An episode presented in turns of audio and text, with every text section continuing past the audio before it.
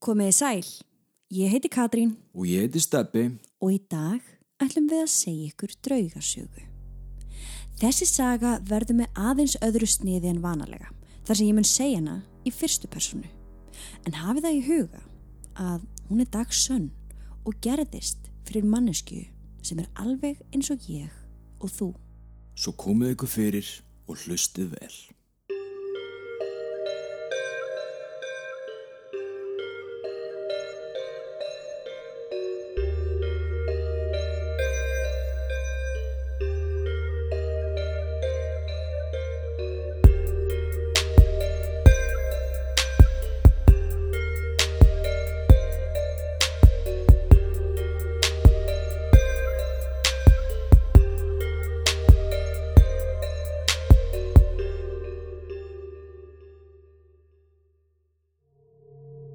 Við viljum minna á að draugasögurnar okkar eru ekki við hæfi barna yngre en 13 ára nema með leiði fullorna. Og með því hefjum við sögu dagsins.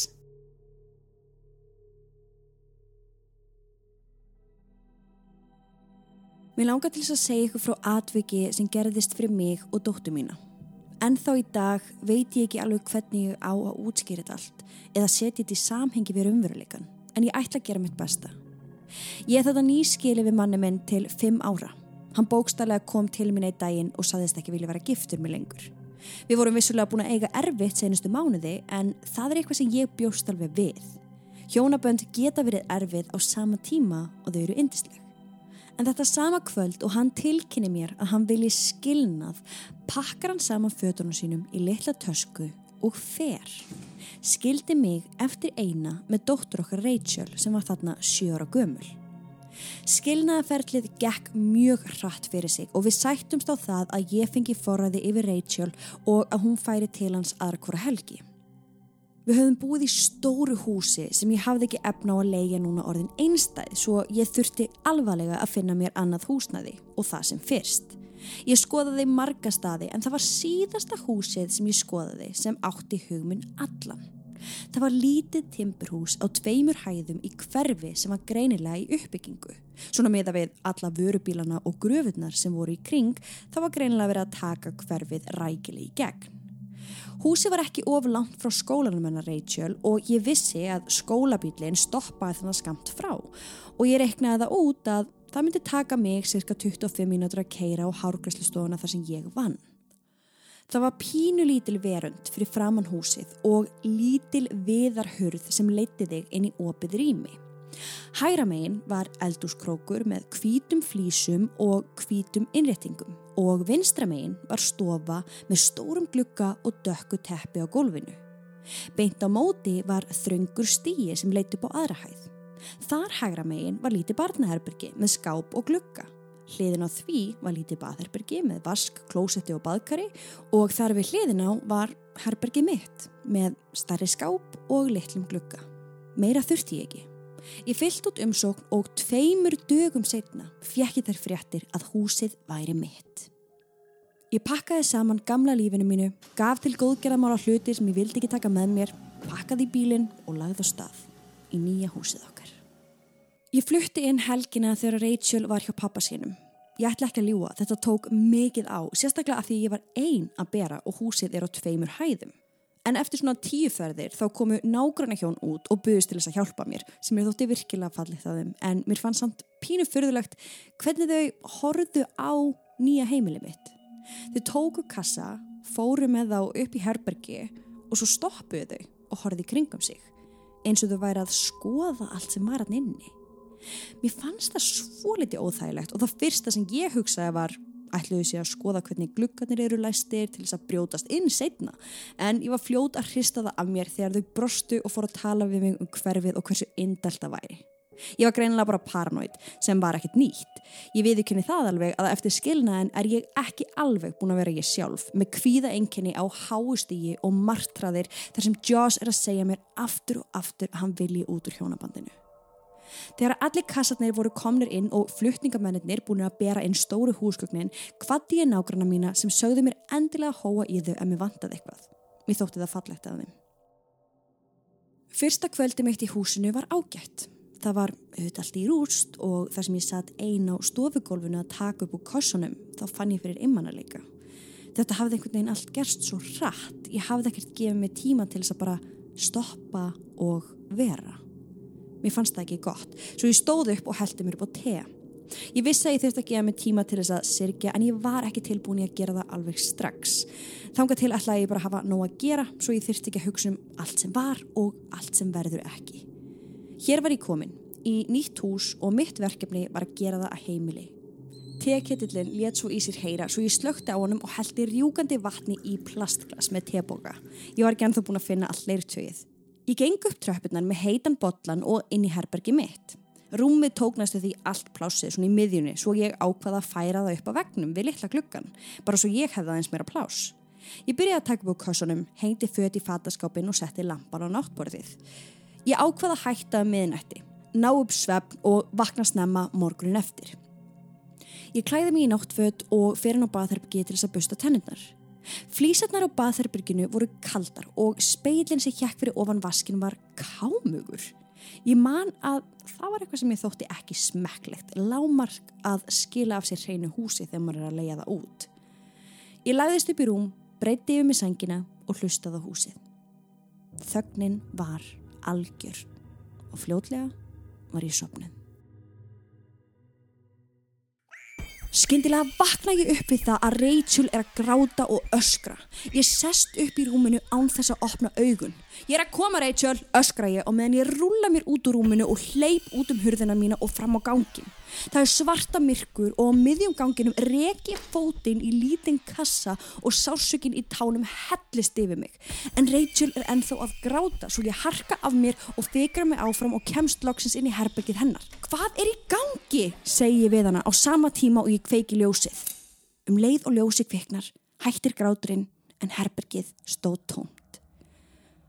Rúmið hennar Rachel var þarna ásamt nokkrum kössum en hún sjálf var ekki í herberginu og þá áttaði ég mig á því að Rachel var hjá pappa sínum. Hver var þá að gráta? Eftir að vera aðeins búin að ná áttum þá líti út um gluggan. Fór einhverju krakkar úti. Það hlaut að vera að því það var klárlega einhver að gráta. Ég hleyp niður tröppunar og út. Ég fer ringin í kringum húsið en sé engan. Það var ekkert grátandi barn fyrir utan húsi mitt. Ég fyrir aftur inn og læsa á eftir mér. Ég sest nýr í sófan og hugsa. Hver var að gráta? Ég viss alveg að ég var ekki búin að vera upp á mitt besta seinustu vikur. En var ég alveg bara að missa vitið? Jú, ég var búin að vera með stanslösa martræðir sem við skildum og jú, ég hafði fundið fyrir miklum einmannalega kvöldið áður gæti það allt saman gert það að verkum að ég heyri í Rachel gráta þegar að Rachel er ekki einu sinni á stanum eða var þetta hennar grátur? Ég fer upp og kíki einu sinni enn inn í barnaherbergið bara til þess að vera alveg vissum að Rachel væri ekki þar og ekkit annað barn. Síðan fór ég aftur upp í rúm og sopnaði Rachel kom heim daginn eftir og ég sá eitt stórt sólskins brós myndast á andlitin hennar þegar hún sá nýja húsið. Pappina skuttlaði henni að húsinu og hleyfti henni út. Hann kom ekki út og heilsaði. Við vorum ekki alveg komin á þann stað ennþá. Ég hafði náða að gera herbyggið hennar svona þokkalega fínt með við tíman sem ég hafði. Rúmið var komið á sinn stað og litla vaggan hennar Emily var þar við hliðin á. Emily var sem sagt dúka sem að Rachel hafði fengið í gjöf frá mömmu þegar hún fættist. Hún hefði alltaf haldið mikið upp á hana en það var ábyrrandi að eftir ég og pappina skildum þá varð Emily algjörlega ómissandi hvert sem við fórum. Það var greinilegt að hún og þessi dúka voru tengt einhverjum böndum sem við foreldrarnir skildum ekki en ég hafði lesið í einhverju bók um skilnaðabörn að það væri ekkit óalgengt að þau tækju fyrir eitthvað svona dót sem svona security blanket ef ég leiði mér að sletta smá. Rachel fann fyrir öryggi þegar hún var með Emily og ef dúkan leti henni líða betur með allt sem var í gangi þá var það bara í fínu mínu vegna. Við hliðin á rúminu og vöggunni var lítið skrippborð og þar fyrir ofan hilla með alls konar stittum og dóti. Á móti rúmunu var síðan fataskápurinn hennar þar sem ég var búin að hengja upp alla kjólan hennar og raða öllum skónum hennar. Ég horfið á Rachel byrja að skoða dótið og raða því á einhverja aðra staði þar sem henni fannst það eiga að vera og mér fannst allt í lagi, bara svo lengi sem hún var hafmyggisum. Morgunin eftir var mánudagur. Ég var svo litið stressuð af því að ég vissi ekki alveg hvar skólabílinn hennar Rachel myndi stoppa í þessu nýja hverfi. Svo ég vakt hana, mögulega allt úr snemma, græjaði morgumatt og við vorum komnar út um 7.15. Þá sé ég ská á móti mér konu sem var með barna og svipið með aldrei Rachel. Ég segi Rachel að býða á meðan ég hleyp yfir til konunar og spyr hana hvort hún viti klukkan hvað skólabillin kæmi og þá hvað hann myndi stoppa. Þessi kona sagðist þetta Amy og sagði mig þá að skólabillin kæmi alltaf stundvíslega klukkan 07.30 og að hann stoppaði byggt fyrir utan húsi mitt. Ég andvarpaði hátt því líka léttir sagði ég og hló að sjálfur mér fyrir að hafa stressað mér svona mikið á þessu. En Amy, hún hló ekki. Hvernig hafa senustu nætur verið í nýja húsinu, spyr hún mig svo allt í einu. Og ennþá ekki vott af brosi á andletun hennar. Bara ágætar, svara ég. Amy stari bara á mig. Og svo húsið. Þú hefur ekkert orðið vör við... En áður nú náða að klára setninguna kom skólabílinn. Gaman að hitta þig, segi ég, áður en ég hleyp aftur yfir göduna, kissi Rachel Bless og fylginni inn í skólabílinn. Rachel fær sér sæti og vinga mér á sama tíma og skólabílinn keiri burtu. Þegar hann var úr auksín sé ég Amy standa ennþá á gangsettinni ská á móti mér. Ég brosi til hennar en hún vafði peysunni betur utan um sig, hristi hausinn og fór. Ég átti ekki að mæti vinnuna fyrir klukkan 11 þannig að ég heldi mér upp á kaffibotla, náði blaðið og gekk inn í stofu. En þá sé ég dúkkuna Emily liggja á miðju gólfinu. Mér fannst það undarlegt en það hugsaði Rachel virkilega vel um dúkkuna sína og var ekki vön að skilja hann eftir á gólfinu. Ég tek dúkkuna upp, geng upp stegan og inn í herbergiðinu Rachel. Þar legg ég dúkkuna á rúmið og geng svo aftur niður. Eftir að hafa lokið við kaffibotlan ákveð ég að ráðast á þvottin sem var búin að liggja á borstöðuborðinu og stara á mig síðustu tvo daga. Ég tek úr óhrunatöginu og fer með það upp á baðherbyrgi þar sem þvottavílinn var. Ég geng svo niður stegan og aftur inn í stofu. En þá sé ég hana. Dúkkuna Emily liggja á miðju góluminu á nákvæmlega sama stað og hún hafi gert klukkutíma áður. Ég man að það fóru miljón hugsanir í gang í höfðina mér. Hafði ég aldrei tekið hann upp? Fór ég ekki með hann í rúmið hennar Rachel? Er ég að missa vitið? Ég tek dúkkuna aftur upp að ég held og set hana aftur á rúmið hennar Rachel og í þetta skiptið þá loka ég hurðinni. Ég stend smá stund fyrir framanhurðina og segi við sjálfa mig að ég hafi tekið dúkkun upp og að ég hafi sett hana á rúmið. Ég fyrir aftur niður, brýt saman þvott en svo var klukkan að ganga tíu þannig ég skelli mér í styrtu og fyrir vinnuna. En ekki án þess að kíkja inn í herbergiðina Rachel bara til að gangur skugga um að dúkan væri á sínum stað, sem hún var. Vekurna líða og litla húsið okkar var loksins orðið að heimili. Heimili sem ég var stolt af. Það var laugataskvöld og Rachel var sopnuð. Ég lá upp í rúmi að hugsa. Ég var að hugsa hversu langt ég væri komin eftir skilnaðin. Þó ég fyndi ennþá fyrir nýsting sorg í hjartanu mínu, þá fann ég samt von. Það var lítil rödd inn í mér sem sagði að ég myndi komast í gegnum þetta. Ég tegði mig svo í bók og byrja að lesa. Tímin leið og ég var örglega búin að lesa í svona klukkustund án þess að sopna. Ég legg bókina frá mér, slekk ljósin með það markmið að sopna á næstu tíu mínútum.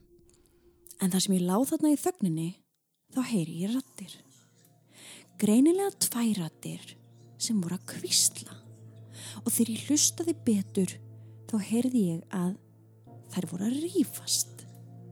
Ég sest upp í rúminu, stemd upp og stoppa í dýragættinni. Þetta var Rachel að kvistla en ég heyrði ekki hvað hún var að segja og svo virtist vera önnur rödd þarna líka. Ég geng að herbergininnar og stoppa fyrir utan hurðina sem var lokuð. Af hverju var hún lokuð? Ég lokaði henni aldrei. Ég legg eirað við hurðina og hlusta. Svo teki í hurðarhúnin og geng inn. Við hvern ert að tala? spyr ég Rachel. En Rachel svarar engu. Ég segi þó aftur orðin svo liti pyrruð. Þú veist að það er nótt, Rachel, þú átt að vera sofandi. Þá bendir hún á fataskápin. Ég líti á skápin og svo aftur á hana. Hvað?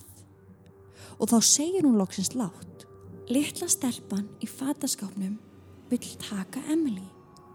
Ég stóð stjörf og ég man hvernig mér fannst allt blóðið renna úr höfðin á mér. En síðan fór raukugurinn í gang og hann tók við. Ég útskýrði fyrir Rachel að það var í engin lítil stelpa í fataskápnum hennar og að engin vildi taka Emily. Hanna var að dreyma og þar sem hún elskaði Emily svo mikið þá var hann að dreyma martruð að einhver væri að taka hana. Rachel var svo litið treg en kifti svo þessa útskýringu mína og lagðist aftur á kottan og lokaði augunum með Emily í fanginu. Ég fór upp í rúm, ansi stolt af því hvernig ég hafði höndlað þetta vandamál og sopnaði nokkru mínútum síðar. En ég vissi ekki þarna að þetta var bara rétt að byrja. Dæin eftir hvati ég Rachel fyrir utan húsi okkar þegar skólabillin kom.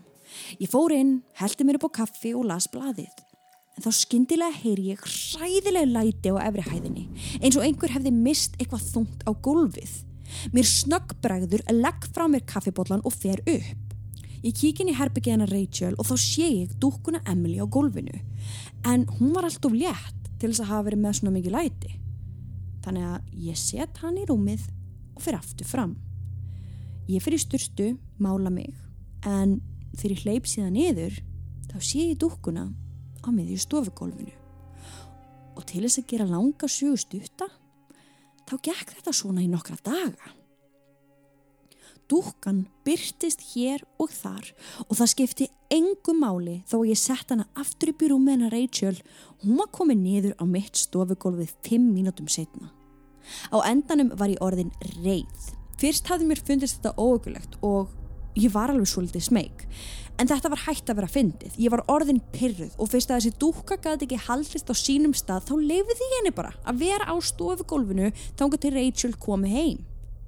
Á endanum var ég algjörlega hægt að spá í þessu öllu saman. Mögulega að því ég var að díla við ímislegt annað í mínu persónulega lífi og hafði bara enga megin svigurum til þess að fara að díla við hvað sem þetta var. Mikael Darri veikist í kringum 8 mánuða aldur og greinist síðan í framaldi með alvarlegt AML kvítblæði á samt ægsli við heila, mænu og andlit rétt fyrir einsás amalið sitt. En baráttunni er hvergi lokið þar sem Mikael Darri er búin að vera í geyslum og svæfingu á hverjum degi í desember og janúar vegna illkynna krabbamenns og nú er sýstrans sunna líf komin í rannsóknir vegna hnúðs sem fannst í skeifugörninni og mikil veikindi síðustu vikur. Óvissan er því mikil með bæði börnin. Saman getum við hjálpa þeim svo mikið.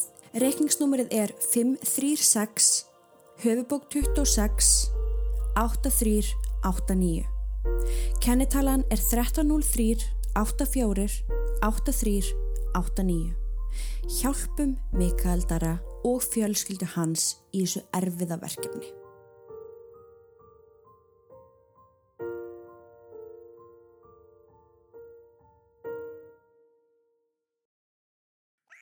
Um nóttina vakna ég upp við það að Rachel er að öskra. Svo ég drösla mér inn í herbergenar, þreytt og pyrruð og spyr hvað sé í gangi.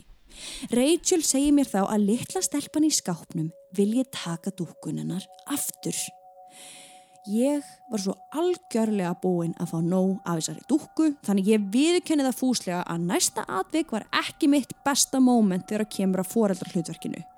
Ég segi Rachel að fyrst þessi stelpa í skápnum vilja alltaf taka dúkkunennar af hverju hún leifinni þá ekki bara að prófa að leika með hana. Síðan teki dúkkuna og set hana inn í skáp. Ég rétt henni bángsa í staðin og segi henni svo að fara að sofa. Ég heyrði ekki meira frá henni þessa nótt en ég sopnaði algjörlega örmagna. Ég svaf út þennan lögadagsmorgun og þegar ég leita klukkuna og sá að hún var að ganga tíu fannst mér óvennulegt að Rachel var ekki búin að vekja mig. Ég gengin í herbergenar en síðan ekki. Þá fær ég inn í stofu og þar situr hún í nefri og ég fann sammiskupitið hellast yfir mig. Hvernig gati ég verið svona kvöss við hana þannig um nóttina? Ég sest hjá henni og spyr hana hvað sé að. Hún segir mig þá að hún sakni dúkkunum sinnar en að ég hafi neitt hana til þess að gefa óþekku stelpunni í skapnum hana. Ég var vissilega þreytt og svo litið utan við mig en það var greinilegt að Rachel var að búa til einhvern ímyndaðan vinn þarna og ég ákvað að spila bara með. Ég hughrist hana og sagði henni að ég hafi nú bara mynd að hún mætti fá hann að lána það. Svo spyr ég Rachel hvað vinkun hennar heitir en hún vissi það ekki. Littla stelpan sem var í fataskofnum hennar neytaði að segja það. Hún vildi bara fá dúkuna. Ég horfið á Rachel og sé að hún var virkilega að trúa því sem hún var að segja. Ég fer með henni upp í herbergenar, nægi dúkuna sem ég hafi sett í fataskapinu um nóttina og rétt henni. Og þarna ákvaði ég að halda áfram að spila með og segi blíðilega en ákveðið. Sko, litla stelpa, hver sem þú ert. Hún Rachel ætla núna að fá dúkkuna sína aftur tilbaka og ef þú leikur þér ekki fallega þá mynd þú ekki fá að leika við dúkkuna aftur. En Rachel horfir bara neyksluð í áttina til mín og segir að litla stelpan heyr ekki í mér. Að hún væri ekki einu svona á staðnum. Hún kæmi bara í kringum áttatíman. Svo næstu daga og vikur þá held ég bara áfram að taka þátt í þessum leikdóttu minnar um vondu, rauðhærðu og freknóttu vinkonennar sem bjó í fataskapnum hennar, vildi ekki segja til naps og rændi öllum leikfengunum af henni. Svo kom enn önnóttin. Ég var alveg að sopna þegar ég heyri Rachel kalla. Mamma! Ég sest upp í rúmið með andköfum eins og mæður gera og kalla á móti. Hvað? Hún er komin segir Rachel þá. Ég man hvernig ég fekk gæsa húð út um allan líkama. Ég set stjörf í einhver tíma því ég vissi ekki alveg hvað ég ætti að gera. Svo stend ég upp og fekra mig áfram að herbyggi dóttu minnar. Þar sé ég Rachel setja í rúminu haldandi á dúkunni Emily. Þú mátt leika þér smá en svo verði ég að fá hana tilbaka, hvíslar hún án þess að sjá mig. Ég gæjist inn og á sama tíma sé ég hvernig dúkkan er rifin úr höndum dóttu minnar og henn er hend á gólfið með tilherrandi látum. Og þarna varð ég reið. Ég man að ég rík inn í herbergið öskrandi á þessu ósynilegu stelpu að koma sér út úr herbergið dóttu minnar á stundinni. Á sama tíma lifti ég Rachel úr rúminu og tek dúkkuna Emily með. Ég loka herberginu eftir okkur og saman fyrir við inn í herbergið mitt. Rachel var halv stjörf yfir því hvernig ég var að láta og þegar ég sá það róaði ég mig aðeins niður. Við sofum hér í kvöld, segi ég við hana og akkurat á sama tíma heyrum við læti komur herbyggin hennar Rachel. Ekki hugsa um þetta, segi ég við Rachel. Þú ert hjá mér. Reynum núna bara að sopna.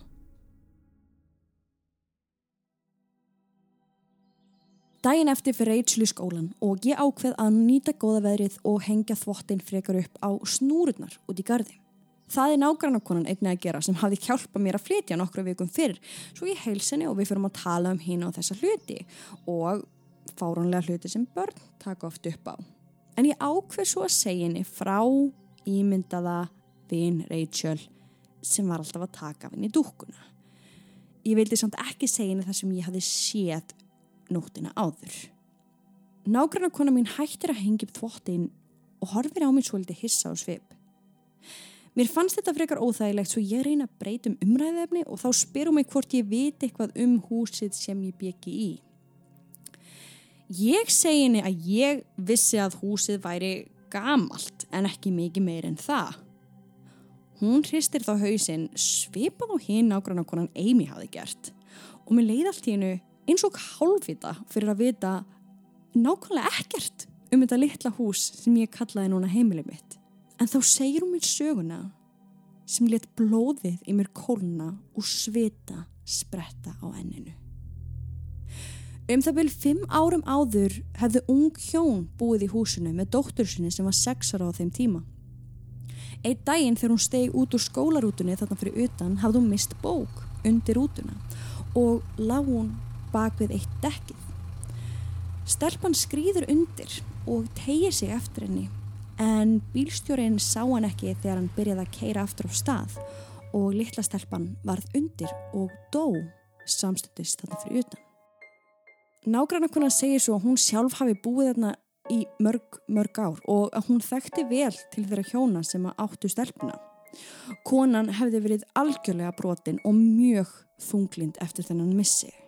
Svo mikið tókit á hana að eiginmaðurinnar þurfti að flytja með hann út úr húsinu því mamman sá láti bart sitt allstaðar innan dýra og öskraði í sífellu í áttina til hennar. Þegar ég spyr hana svo hvort hún muni hvernig hárlitur stelpunum hafi verið, þá segir hún mér að hún hafi verið með miklar freknur og sítt raukt hár. Ég man ekki mikið eftir að hún saði mér þetta. Ég, ég settist neyri í grasið og ég bara greið. Ég misti kúlið algjörlega, gjörsamlega búinn á líkama og sál. Rachel hafði ekki átt ímyndaðan vinn. Hún hafði verið að sjá þessa litlu stelpu. Hún hafði verið að sjá draug. Draug sem var að rýfa af henni dúkkuna. Ég gæti ekki hugsa mér að vera þarna inni mínútinu lengur Ég man að ég kveð nákvæmna konu mína og ringi mömmu. Ég útskýri fyrir Rachel að við þurftum að fara og vera hjá ömmu næstu daga, að við þurftum að flytja út úr húsinu. Það var eins og Rachel hafi fullornast þegar ég sagði þetta því hún horfi á mig, kingaði kolli en bað svo um að fá að gera eitt áður en hún færi. Svo hljópunin í húsið. Ég satt á pallinum fyrir utan og beigði eftir henni. Við fórum til mömmu og bræður mínir buðust til þess að flytja dótið okkur úr húsinu. Ég leiði geimsluplás og ætla að hafa húsgögnun okkar þar þangar til við finnum okkur nýja íbúð. Ég hef kert af og til fram hjá sér húsi, bara til þess að aðtuga hvort einhver búið þar. En það setur ennþá tómt.